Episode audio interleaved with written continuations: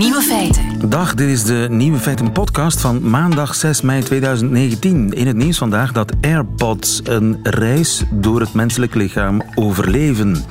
AirPods van die draadloze oortjes zijn dat. Een Taiwanese man was in slaap gevallen met zijn AirPods in zijn oren en toen hij weer wakker werd was een van de oortjes verdwenen. Hij probeerde de zoek- en vindfunctie en jawel, hoorde ergens een gedempt gepiep bleek niet van onder de dekens te komen, maar vanuit zijn buik. Per ongeluk ingeslikt. Op de spoed stelde ze hem gerust zo'n klein afgerond plastic dingetje kan geen schade toebrengen aan zijn ingewanden. Hij kreeg de raad een laxeermiddel te nemen en de boel in de gaten te houden. En jawel, dat werkte. De AirPod kwam tevoorschijn de volgende dag. Sterker, na het schoonmaken en drogen bleek het ding gewoon nog te werken. Ongelooflijk, twitterde de man. De batterij is nog steeds op 41 procent. Don't try this at home. De andere nieuwe feiten vandaag. Collega Christophe Lambrecht sterft op 48 aan een hartfalen. 20 jaar presenteerde hij op Studio Brussel hetzelfde programma. Een unicum. Alex Vizorek was erbij toen Jean-Marie Le Pen op zijn 1 mei-viering de Marseillaise vergat te zingen. België is geen democratie, zegt uitredend parlementslid Hendrik Vuije. En de vier dagen week op school in Oklahoma is ze in veel scholen al ingevoerd. De nieuwe feiten van Nico Dijkshoorn hoort u in zijn middagjournaal. Veel plezier. Nieuwe feiten. Ja, het kan zomaar ineens je laatste dag zijn. Gisteren overleed collega Christophe Lambrecht, amper 48, jonge vader. Een boom in volle bloei die omvalt. Het is verbijsterend. En onze gedachten gaan in de eerste plaats uiteraard naar zijn familie en zijn vrienden. Maar hij was ook Vlaanderens vriend. Twintig jaar lang presenteerde hij hetzelfde programma op Studio Brussel, Music at Work. Maar in onze collectieve geheugen zitten ook de beelden van die allereerste Music for Life. Toen hij zich liet opsluiten in het glazen huis. Samen met zijn collega's Peter van de Veire en Thomas de Soete. Dames, goedenavond. Zeg maar echt de microfoon tegen jullie mond. Alsof jullie iets in jullie mond zouden... Ja, sorry hoor. Oeh, Bambi. En de bel gaat. Wie is daar? Het is Urbanus. Ah, zo, zwak stemmetje. ik ben hier weg, want straks fretten die mannen mij op. If I lay here, if I just lay here, would you lie with me and just forget the world? Ja, alles kon toen zelfs uh, live gesloot in het glazen huis. Goedemiddag, Thomas de Zoete. Dag, lieven. Goedemiddag. Thomas, uh, geloof je het al intussen? Ja, het heeft, het heeft een, het een tijd gekost om inderdaad te laten doordringen. Gisteren zat ik echt nog in die fase van nee, nee, het kan niet. Het, is, het, is, uh, het blijft onwezenlijk, maar het begint wel stilaan door te dringen dat hij echt er niet meer is. Um, en ja, daar ben ik nog steeds uh, kapot van. Ja. Lambi Bambi, hè? is dat ontstaan in het glazen huis? Wanneer was het? Een jaar of dertien ja. geleden? Ja, ja, zeker dertien. Ik, ja, ik ben slecht in hoofdrekenen, ga ik mij zeker nu niet aan wagen. Maar het is, uh, het is daar ontstaan en het is van de Veire, Peter, die het, het voor het eerst uitsprak. En, en ja, een soort van nickname die, die heel lang uh, aan Christophe is blijven plakken. En, terecht ook, want ja, het, het, het dekt wel de lading. Hij is, hij is uh, ja, Christophe is een heel erg warme persoonlijkheid en, en een heel, heel integer en, echt lieve kerel. En iedere keer als ik het zeg, ik heb het al een paar keer gezegd en iedereen zegt het, dat, dat kan geen toeval zijn. Dat, dat is namelijk ook zo. En, het probleem daarbij is een beetje dat, dat, dat het als een cliché klinkt. Uh, iets typisch om te zeggen als een, een goede vriend overlijdt van hij was zo integer en hij was zo lief en zo zachtaardig. En... Maar bij hem was dat echt heel uitgesproken. Op een nogthans heel krachtige manier ook. En dat, dat wil ik ook wel benadrukken, want het lijkt dan bijna van, oh, was hij dan helemaal zeemzoet en slap of zo. Nee, nee. Dat, die, die, die unieke persoonlijkheid van Christophe maakte van hem net een heel, heel sterk karakter ook. En, en, en iemand die uh, ook in staat was om, om die energie uh, over te geven aan, aan, aan anderen. En, en, en, ja, ook weer een cliché, maar ook weer van alle vrienden die je hebt, uh, er zijn er ook niet zoveel die dat echt goed kunnen. Um, er voor jou zijn als je, als je, als je die nodig hebt. En dat kon Christophe heel, heel, heel goed. Um, daar was hij heel bijzonder in. Veel mensen hadden datzelfde gevoel eigenlijk, hoewel ze hem niet persoonlijk kenden. Die hebben vandaag het gevoel dat ze een, een vriend verloren zijn. Sorry, ja, ja. En dat begrijp ik ook goed, want, want hij, hij, hij had een, een heel uh, uitzonderlijke stem, een heel, heel warme stem alweer. Uh, ik denk dat mensen perfect uh, op de energierekening konden besparen door de radio gewoon wat hoger te zetten en de chauffage een beetje lager. En die, um, die stem die was... Um, die was vertrouwd hè? en die gaf rust en die gaf, die gaf warmte, uiteraard. En had ook iets lichtvaderlijks. En, en, ja. en ik, vond, ik vond hem een radiomaker. Ik vond, eigenlijk vind ik dat van de mooiste radio die er bestaat. Radio in, in, in al zijn schoonheid is toch het soort radio die op de achtergrond als een kabbelend beekje daar is. Af en toe is de aandacht trekt uh, op een manier waardoor je even glimlacht of ja, maar dan terug naar de achtergrond gaat en op, op zo'n schone manier jouw gezelschap houdt. En, en dat was iets wat Christophe als geen ander kon. Het is niet voor Ja. iets dat hij dat... Hij, hij was geen hemelbestormer, geen grote vernieuwer, geen tafelspringer. Als ik denk aan jullie in dat glazen huis. Het, het was wel een groot verschil tussen Peter van de Veire en, en jij. De, de, de, hoe moet ik dat zeggen? De macho's, mag ik dat zeggen? Ja, macho's, daar zijn wij dat toch ook iets te veel wijven voor om dat, om dat te mogen zeggen. De grootste macho's zijn wijven, eh, Thomas. Ja, waarschijnlijk. Maar ik begrijp wat je wilt zeggen. Christophe was niet zozeer degene die het eh, snelst op tafel ging springen of het hard ging brullen. Ehm, zeker niet.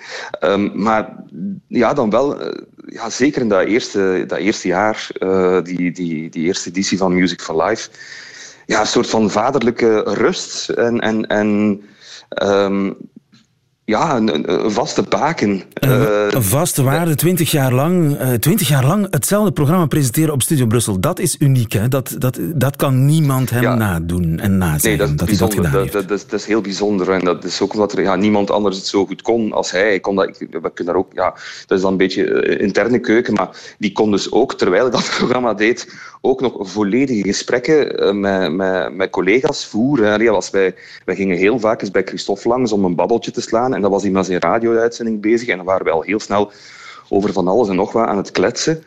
En dan was dat zo open. Dus komt dat hij kon zeggen, wacht een secondje. En even die micro op, even gewoon perfecte aan- en afkondiging. Poef, ja, eh, nee, maar wat ik vind. En dan gewoon en dan denk ik van, maar gast, hoe doet hij dat toch? Dat is niet normaal. En, en waarmee ik niet wil zeggen dat hij zijn job niet zo serieus nam. Hè, want hij- het is een absolute kunst om mij eigenlijk met niets, behalve platen en een microfoon, twee uur lang, elke dag, al die jaren na elkaar mensen een goed gevoel te geven. En dat kon hij eh, Ja. als geen ander. En dat had ook natuurlijk te maken met zijn enorme muziekkennis en liefde voor muziek. Hij stelde, dat Hij stelde zelf samen, hè, ja. Dus je voelde ook van, hij heeft plaatjes voor mij gekozen en gaat mij nu gezelschap houden terwijl ik aan het werk ben of iets anders. Een rustige, vaderlijke vriend. We gaan hem eh, heel erg missen. De veel te vroeg gestorven Christophe Lambrecht. Sterkte aan vrienden, familie en collega's. Dankjewel, Thomas de Soete. Goedemiddag. Dank je, dag lieve. Altijd benieuwd. Nieuwe feiten. Rustig dagje vandaag in veel scholen in de Amerikaanse staat Oklahoma. Want de leerlingen blijven thuis vandaag. En niet alleen vandaag. Elke maandag is een vrije dag in 20% van de Oklahomse scholen. Zij Slager, goedemiddag. Goedemiddag. Je bent buitenlandjournalist van Trouw, de Nederlandse kwaliteitskrant. Jij was daar in Oklahoma. Met wie heb je daar gepraat, zei je? Ik heb daar een ochtendje meegelopen op eh, verschillende scholen in Wagoner. En dat is een stadje in het eh, oosten van Oklahoma. Wagoner. Met zo'n 10.000 inwoners. Ja. En waarom En- hebben ze daar op maandag geen les? ja, dat is eigenlijk het laatste gevolg van een crisis in het onderwijs in Oklahoma. Daar worden al nou, 15 à 20 jaar lang steeds meer bezuinigingen op onderwijs doorgevoerd. Het leidde er de afgelopen jaren toe nou ja, dat de staat van het onderwijs daar echt best wel deerniswekkend is. Dus veel scholen die eh, doen het met oude boeken. Het geld is op. eh, het geld is op, ja. Ze, ze, ze hebben zelfs geen geld meer voor kopietjes, vertelde iemand me daar. Dus sommige scholen werken met een budget voor het aantal fotokopieën dat je per jaar mag maken. En als je eroverheen komt, dan moet je dat zelf betalen als leraar. Dus maandag geen les is eigenlijk in de eerste plaats een besparingsmaatregel geweest. Maar welke besparing levert dat op? Het levert niet per se een enorme besparing op in geld. Want je moet die leraren toch doorbetalen. Zijn een hoop vaste kosten. Maar het levert twee dingen op. Uh, ten eerste een kleine besparing van nou ja, anderhalf à 3 procent van het budget, vertelden ze me daar. En ja, op het totale budget komt dat voor hun uit op vijf lerarensalarissen. Dus nou ja, die hadden ze anders moeten ontslaan. En het levert vooral uh, meer reacties op vacatures op. Want in zo'n afgelegen stadje, als ze daar een vacature neerzetten de afgelopen jaren voor een nieuwe leraar, dan kwam daar vaak gewoon geen reactie op. Uh, en ja, met geld kan je mensen niet lokken daar, dus dan maar met tijd. Dus het maakt de job van leraar aantrekkelijker, omdat je maar vier dagen in de week moet uh, lesgeven. Dus, ja, het is een. Ja. Het is een, noodgreep. Een ja. noodgreep, maar zijn de ouders daar blij mee? Want ja, die moeten op maandag dan op zoek naar opvang voor hun kinderen. Ja, dat was ook mijn eerste vraag, want ik heb zelf ook twee kleine kinderen. Dus, uh, en hier in Nederland speelt de discussie ook een beetje over vierdaagse schoolweek. Dus ik zag dat al aankomen, van oh jee.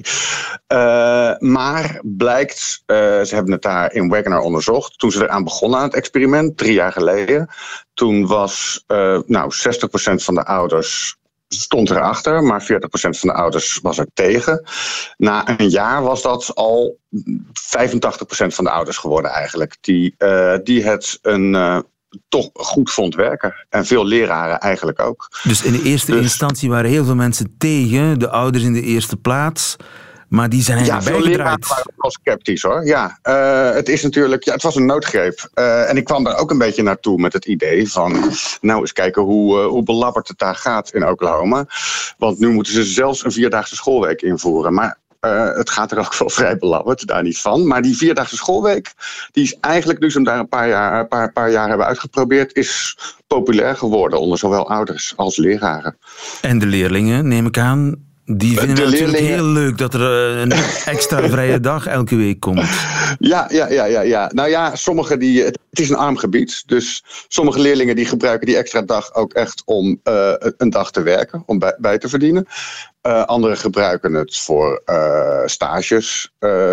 en sommigen inderdaad voor een extra vrije dag. En ze moeten wel langer naar school op de dagen dat ze wel naar school moeten. Dus het totaal aantal uren blijft hetzelfde. Ze hebben eigenlijk evenveel les, alleen op minder dagen ja. tijd.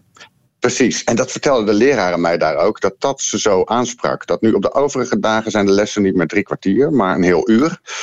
En uh, ja, dat hebben ze allemaal eigenlijk als een verademing ervaren. Ze, zeggen mij, uh, ze, ze vertelden me dat er veel meer tijd was voor klassikale discussie, om in te gaan op vragen van leerlingen. Het lesgeven werd eigenlijk veel relaxter, vertelden ze allemaal. En die vijfde dag vrij, of die eerste dag eigenlijk, die maandag, ja, is voor sommige leraren gebruiken dat ook om een extra baantje erbij te doen. Want ja, het is echt geen vetpot, een leraarsalaris in Oklahoma. Maar anderen gebruiken het bijvoorbeeld om de lessen in alle rust voor te bereiden. En, uh, of om een tandartsafspraak te maken, of uh, nou ja, dat soort dingen. Dus het is rustiger geworden op school? Nou ja, eigenlijk tot hun eigen verbazing. Ja, het begon als een noodgreep. Maar tot hun eigen verbazing kwamen ze erachter dat ze er niet meer vanaf zouden willen. Nu ze het een paar jaar hebben uitgeprobeerd. En bij ons gaan er ook hier en daar stemmen op om die vierdaagse schoolweek in te voeren. Zou dat een goed plan kunnen zijn, denk je, zei je? Ja, kijk, bij ons ook in Nederland. Er zijn al een paar basisscholen die er ook noodgedwongen toe uh, over zijn gegaan. Ik denk dat je het altijd op lokaal niveau moet bekijken. Ieder uh, onderwijsstelsel is anders. En in Oklahoma zijn er ook scholen die het bekeken hebben en gezegd hebben... nou, voor ons is dit geen optie. Ja. Maar ik denk wel die instinctieve angst die je voelt van... oh na alle bezuinigingen nou ook nog een dag eraf. Die is niet nodig, zeg maar, op basis van je onderbuikgevoel. Dus ja. je kunt wel degelijk gewoon kijken of het in jouw geval werkt. Maar ze zijn er nu een paar jaar mee bezig. Ik neem aan dat het nog te vroeg is om conclusies te trekken in verband met het opleidingsniveau. Want dat is natuurlijk ook, de belangrijkste ja. vraag. Nee, precies, ja. ja ik, dat klopt. Uh, ze zijn een paar jaar bezig. Uh, ze hebben net ook de testmethodiek veranderd de afgelopen jaren, wat vergelijken extra moeilijk maakt. Dus echt heel veel overkoepelend onderzoek is er nog niet. Er is wel anekdotisch bewijs. Op die school waar ik was, daar is het verzuim omlaag gegaan. Zowel onder leraren als onder leerlingen. Het komt waarschijnlijk doordat ja, je die afspraken kan plannen op maandag of weet je, als er, uh, als er iets anders is. En de cijfers lijken stabiel te blijven. En uh, niet Ja, te misschien leiden. Toch nog iets om eh, bij stil te staan, om nader te bestuderen. De vierdaagse schoolweek. Zij je slager, dankjewel. Goedemiddag. Goedemiddag. Nieuwe feiten. Coucou de France. Met Alex Visorek.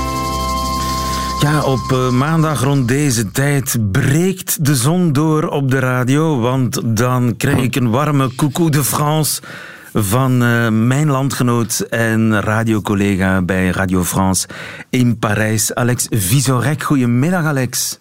Goedemiddag, lieven. Dat is het. eh, het evenement van deze week in Parijs was zeker de 1 mei-betoging. In Frankrijk is het ja, veel groter dan in België. Elk jaar komen in heel Frankrijk bijna 200.000 man in straten om te betogen, vakbonden, militanten en een paar politici. En dit jaar was het een beetje speciaal voor iemand, iemand die zijn laatste 1 mei als politicus vierde, Jean-Marie Le Pen. Je moet weten dat 1 mei per traditie een groot feest voor de Front National was. Eh, Ze vierden Jeanne d'Arc, het symbool van Frankrijk. Ooit kwamen er duizenden mensen rond haar beeld in Parijs, maar sinds de relatie tussen Marine Le Pen en zijn vader tot iets complicated veranderd is, vergadert de FN ergens anders en Jean-Marie Le Pen blijft de 1 mei in Parijs te vieren, alleen met heel weinig volk. Dat is toch een gelegenheid om wat onnozele dingen te vertellen. L'incendie de Notre-Dame est un incendie criminel, car il n'a pu venir inopinément comme cela. Oké. De brand Waarom in niet? Parijs kan geen toeval geweest zijn. Dat, dat, dat kan gewoon niet, volgens Jean-Marie Le Pen. de fake news van Jean-Marie Le Pen, maar zelfs de militanten merkten op uh, dat het tijd is om te stoppen voor hem. Par contre, il a oublié de chanter la Marseillaise. D'habitude, il chante. Ah, le couac. Il a oublié. Mais bon, il aurait, quelqu'un de son entourage aurait pu lui dire. Oeh la la la la la la. Hij is gewoon vergeten om de Marseillaise te zingen? Voilà, dus bye bye Jean-Marie, we zullen jou niet missen, want uh, er was iets belangrijkers gebeurd, lieven, op 1 mei. Uh, in volle crisis van de gele esjes vreest de minister van Binnenlandse Zaken, Christophe Castaner, voor ruilschoppers. 3000 politiemannen waren klaar in Parijs en luister uit minister zelfs wat er gebeurd is. Ici, on a vu euh, l'inverse de ce qu'il devait, au fond, euh, être euh, le rassemblement du 1er. Des gens ont attaqué un hôpital. Des infirmières ont dû euh, préserver le service euh, de réanimation. Des gens ont attaqué un hôpital. Gele hesjes aanval. dringen een ziekenhuis binnen. Een ziekenhuis, ja, dat heeft de minister per tweet ook bevestigd. 30 betogers hebben een ziekenhuis aangevallen. Het was al een shock. En slechter nog, hun doel was de dienst reanimatie aanvallen. Ces délinquants, parce que moi j'appelle ça des délinquants, euh, s'ils étaient venus pour dégrader, ils auraient dégradé immédiatement dès l'entrée de l'hôpital. Ça n'a pas été le cas. Ils ont été spécifiquement dans un service de réanimation. Pour y faire quoi? Naar de reanimatiedienst. Maar waarom? Waar, voor de minister was het bijna een bewijs dat betogers geen mens zijn. Waarom de dienst reanimatie? Iedereen probeerde de vraag te beantwoorden, urenlang de hele avond op alle tv-zenders. En weet je wat het antwoord was, lieven? Dat er eigenlijk geen aanval was geweest op het ziekenhuis. Er zijn effectief mensen die probeerden in de ziekenhuis te geraken. Er zijn er beelden van. Maar ze probeerden eigenlijk uh, de traangas van de politie te ontvluchten. Ze zijn over een hek gegaan om een rustige, beschermde straat te geraken. En dan zochten ze bescherming bij de eerste deur, die eigenlijk de reanimatiedienst was. En dat konden we zien in twee video's die later verschenen is, gefilmd van binnen door het personeel zelfs. Mais par contre, euh, j'espère que oui, mais ils ont pas compris, ils savaient pas, ils savaient pas, eux ils ont cherché. Mais non, mais non, non mais ils savaient pas, ils ont juste cherché une issue, l'issue possible, c'est tout en fait. Ils ne savaient pas. Ja. Ze hebben gewoon een- de uitweg gezocht op de vlucht voor eh, traangas. Ja, dat is het. Eh, Ze zijn wel rustig, u kan het horen.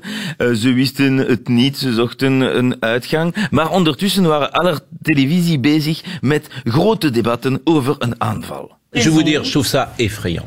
Moi j'ai Ah oui, c'est 55 effrayant, ans, la sûr. France, je n'ai jamais vu ça. C'est-à-dire qu'on parle de un 30 hôpital. personnes Mais qui entrent dans un service de réanimation aujourd'hui à l'hôpital Salpêtrière. C'est effrayant. Effrayant. Effrayant. In vier woorden. Sommigen dachten ook dat ze een eh, gehospitaliseerde politieman wilden vinden om hem te slaan. Er kwamen ook andere meningen van specialisten. J'espère pour eux qu'ils étaient alcoolisés. Parce que contrairement à ce qu'on raconte ou on, on fait semblant d'oublier, il y a aussi beaucoup d'alcool sur ces... Pour certains. euh, C'est souvent dit, hein, certains le Mais c'est une disent. évidence. Ik hoop dat ze dronken waren. Ja, natuurlijk hebben ze wel een privédomein binnengetreden, maar gezien dat het om bescherming te zoeken tegen traangas van de politie, zonder geweld tegen het personeel, eh, is het woord aanval wat overdreven. Dat is zelfs fake news door het minister verspreid. Daarom kwam hij onder vuur. J'entends le reproche qui m'est fait d'avoir utilisé le mot attaque. Je n'aurais pas dû l'employer. Excuses toch eigenlijk wel. Ja, maar niet genoeg voor velen. Maar het premier heeft hem zijn vertrouwen bevestigd. Maar met zijn eh, sterke uitspraken en communicatiefouten, er is nog wat werk om het vertrouwen van de gele esjes te winnen.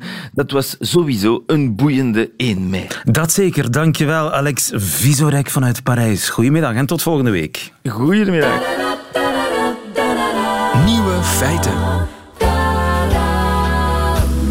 Ze is een jonge vrouw van 29, zonder connecties, zonder poen, die op eigen kracht in het parlement is geraakt. In Amerika kan dat kennelijk. Alexandria Ocasio-Cortez is inmiddels wereldberoemd. Op Netflix is te zien hoe de barkeeper uit de Bronx het opneemt tegen de gedoodverfde kandidaat van de Democratische Partij, Joseph Crowley. Crowley hasn't had a primary challenger in 14 years. He's taken $3 million per cycle. He's going to tell me I'm small, that I'm young, that I'm inexperienced. My mom cleaned houses growing up. I never really saw myself going into politics. Americans aren't asking for a lot. They're just asking for politicians to help them get by. I can do this. Alexandria Ocasio-Cortez, David verslaat Goliath eh, in de primaries. De gedoodverfde kandidaat van de Democraten verslaan Joseph Crowley. Het is een, eh, een hele krachttour. Haar hele verhaal kunt u zien in de Netflix-documentaire Knockdown the House. Zou AOC, zoals ze beter bekend is eh, in het algemeen, zou AOC in Vlaanderen ook kunnen? Hendrik Vuijen, goedemiddag. Goedemiddag. Uitredend parlementslid. eh, tot 2016 fractievoorzitter van de N-VA in het parlement, sindsdien onafhankelijk. U komt niet meer op bij deze verkiezingen. Een jonge vrouw die eh, op talent en overtuiging met succes de gedoodverfde kandidaat van de Democratische Partij opzij schuift en op zijn parlementszetel gaat zitten. Kijkt u met jaloezie naar haar? Maar het is een ander kiessysteem. En men kan ook denken aan eh, Donald Trump, die eigenlijk nooit een politiek mandaat had uitgeoefend en die toch de nominatie van de Republikeinen binnenhaalt. Dus daar is dat eh, meer eh, gebruikelijk. Het is toch een beetje the land of the free and the home of the brave. Als je het maar Dat zeker en vast. met wilskracht aanpakt, dan kun je echt een enorme sprong maken. Ja, het blijft uitzonderlijk, maar je kunt effectief een enorme sprong maken, omdat eh, je hebt niet een partijwezen dat eh, vergelijkbaar is met de particratie die wij eigenlijk in België kennen. Je hebt de primaries, dus elke partij organiseert eigenlijk voorverkiezingen, waarbij dan de leden van de partij echt moeten gaan stemmen voor de kandidaat die zij willen op de stembrief zien. Ja, dat is ook zo. Bij ons is dat, eh, we hebben een tijdje ook Pols gekend, hè, maar dat is meer en meer in onbruik eh, gevallen. En eh, zeker voor parlementsverkiezingen is het in feite de partijtop die de plaatsen bepaalt en die de verkiesbare plaatsen bepaalt. Vroeger waren er meer Pols, hè? Er waren meer Pols, ja, maar dat is een beetje in, in onbruik. Maar zo kon het wel eens gebeuren dat niet degene die de partijtop in het achterhoofd had, lijsttrekker werd. Of een verkiesbare plaats had. Ja, dat kon inderdaad gebeuren, maar nu zie je toch wel dat de, de partijen, uh, uh, dat is ongeveer uh, met die kieshervorming van 2002, van december 2002, op het ogenblik dat de provinciale kieskringen gekomen zijn, is natuurlijk het aantal lijsttrekkers veel beperkter dan vroeger. En dat heeft gemaakt dat partijen veel meer vat gekregen hebben op die lijstvorming. Het aantal en je bedoelt dan de partijtop, niet de leden die op een vergadering een soort primary gaan houden? Maar kijk, vele partijen hebben daar uh, wel een aantal regels over, maar uh, de facto bemerkt men toch dat het de partijtop is die uh, beslist. denk bijvoorbeeld Limburg, Grete Remen, die dan op een bepaald ogenblik ook opzij geschoven wordt en dan overstapt naar, naar Open VLD. Dus de partijtop houdt dat overal heel goed in de hand.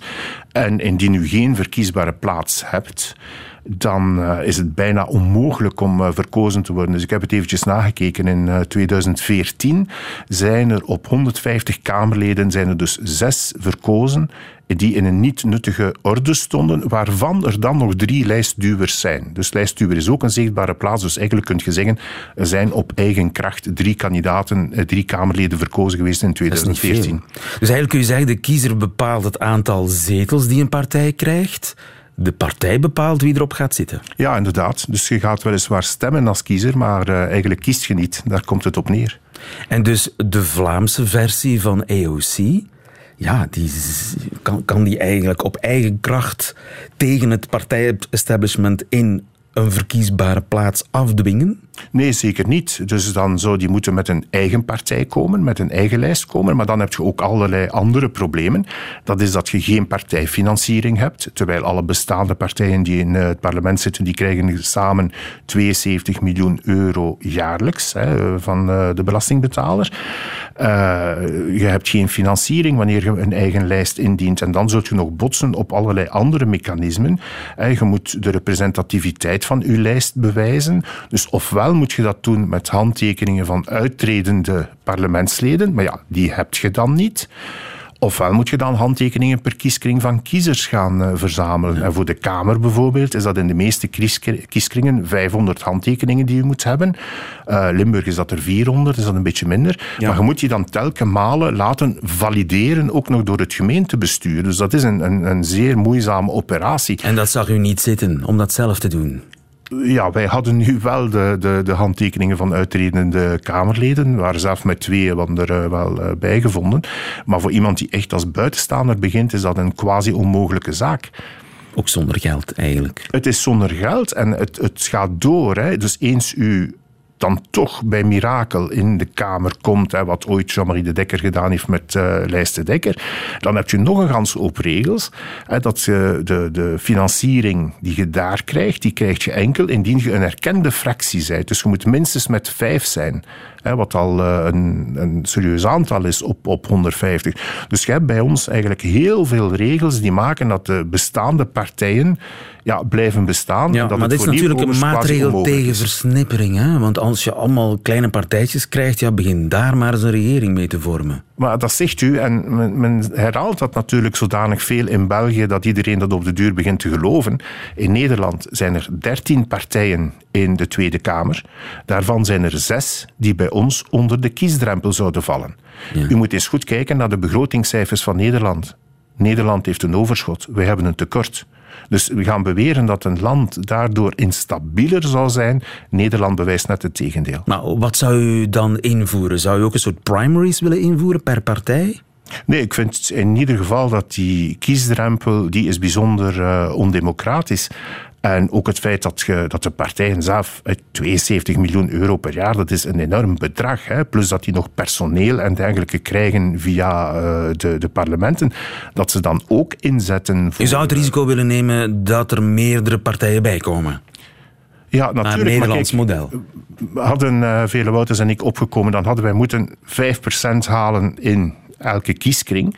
In Nederland, Thierry Baudet haalde 1,78 procent en had twee zetels. En dan kun je verder bouwen wat hij gedaan heeft. Bij ons is dat onmogelijk. Ook iets wat Macron gedaan heeft in Frankrijk, dat is bij ons onmogelijk. Je hebt een soort pact eigenlijk tussen die klassieke partijen, dat, dat is de particratie, en die houden, die houden de zaken in de hand. En, en die, dissidenten stemmen in die partijen die maken geen kans. Maar er wordt in uh, de Kamer uh, ook niet dissident gestemd bij ons. Dus de, de, de cijfers daar in, in België zijn uit, van een uitzonderlijke getrouwheid aan de partij en aan de partijlijn in vergelijking met andere landen. En dat doen die partijen die parlementsleden om hun positie bij de volgende verkiezingen op de lijst niet in gevaar te brengen. Maar dat speelt natuurlijk altijd in het achterhoofd. Dat iemand weet die, die dissident is of die eigen accenten gaat leggen, dat die wel eens zou kunnen eh, naar een niet verkiesbare plaats verschoven worden. En dat gebeurt ook. Dat gebeurt ook. Daar heeft u voorbeelden van. Ja, dat gebeurt zeker en vast. Uh, het volstaat dat u naar alle lijsten kijkt, dan zal u soms zien dat daar uh, zetelende Kamerleden, uh, soms mensen met veel verdiensten, op, op een niet verkiesbare plaats of op een strijdplaats staan, deze keer voor hun partij. Ja. Wat bij sommige partijen ook het gevolg is natuurlijk van witte konijnen. Hè. Wanneer je witte konijnen binnenbrengt en een verkiesbare plaats geeft op de lijst, ja, zal iemand anders ergens moeten schuiven. Is dit een democratisch tekort dat we hebben? Ja, maar wij leven niet in een democratie. We leven in een particratie. Dus wij hebben evident een, een, eh, een democratisch tekort. Wij, wij leven in een eh, particratie, wat wil zeggen dat je eigenlijk een zeer beperkt aantal beslissers hebt. Je hebt een heel beperkt aantal mensen die de politieke beslissingen nemen. Uh, en elke vorm van controle is bij ons uitgeschakeld. In het parlement wordt gestemd meerderheid tegen oppositie. Parlementsleden controleren de facto de, de regering niet meer.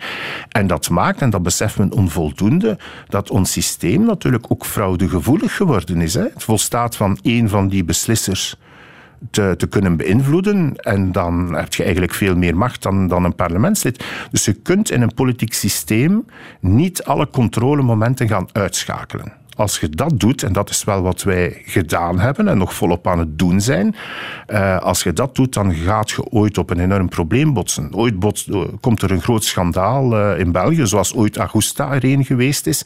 ooit komt er weer zo'n schandaal. Dat staat in de sterren geschreven, gewoon omdat er geen controlemomenten meer zijn. Ja, u blijft professor staatsrecht. Dat blijf ik zeker. Dankjewel voor uw komst, Hendrik Vuijen. Graag gedaan.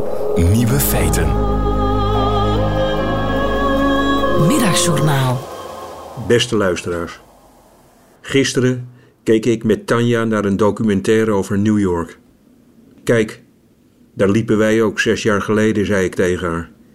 Langs dat ene restaurantje. Kom, hoe heette dat nou? Jeetje. Het was iets met Lutje. Of Loetje. Kom, hoe heette dat restaurant nou? Bedoel je dit, zei Tanja? Ze hield een iPad voor mijn neus. Ja, dat was het. In negen seconden had zij het restaurant gevonden. Kijk, zei ze, hier zaten we aan deze tafel. Ik keek naar een foto van onze tafel. Kijk, deze man bediende ons. Wacht.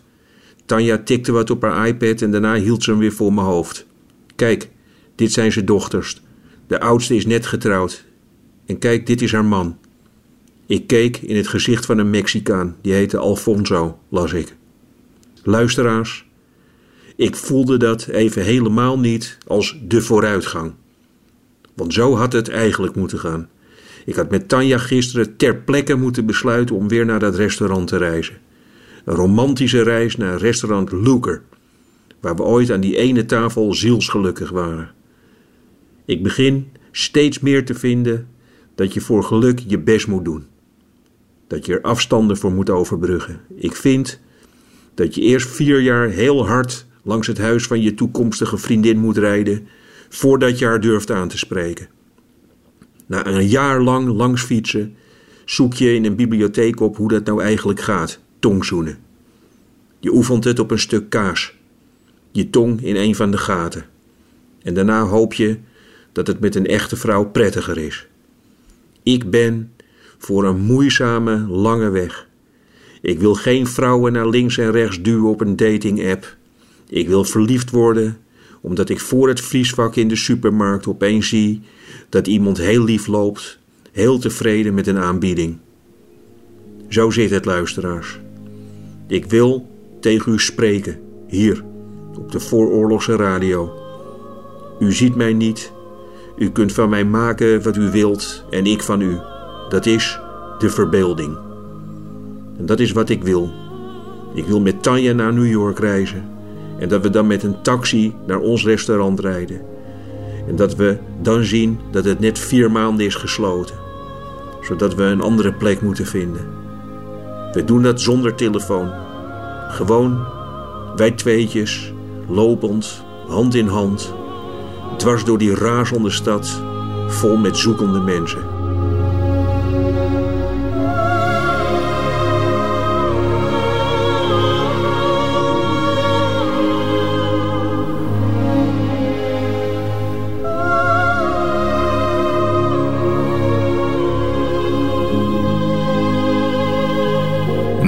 Dijkshoorn in het middagjournaal. Einde van deze podcast, maar u vindt er nog veel meer op radio1.be en op de gebruikelijke podcastkanalen. Tot volgende keer.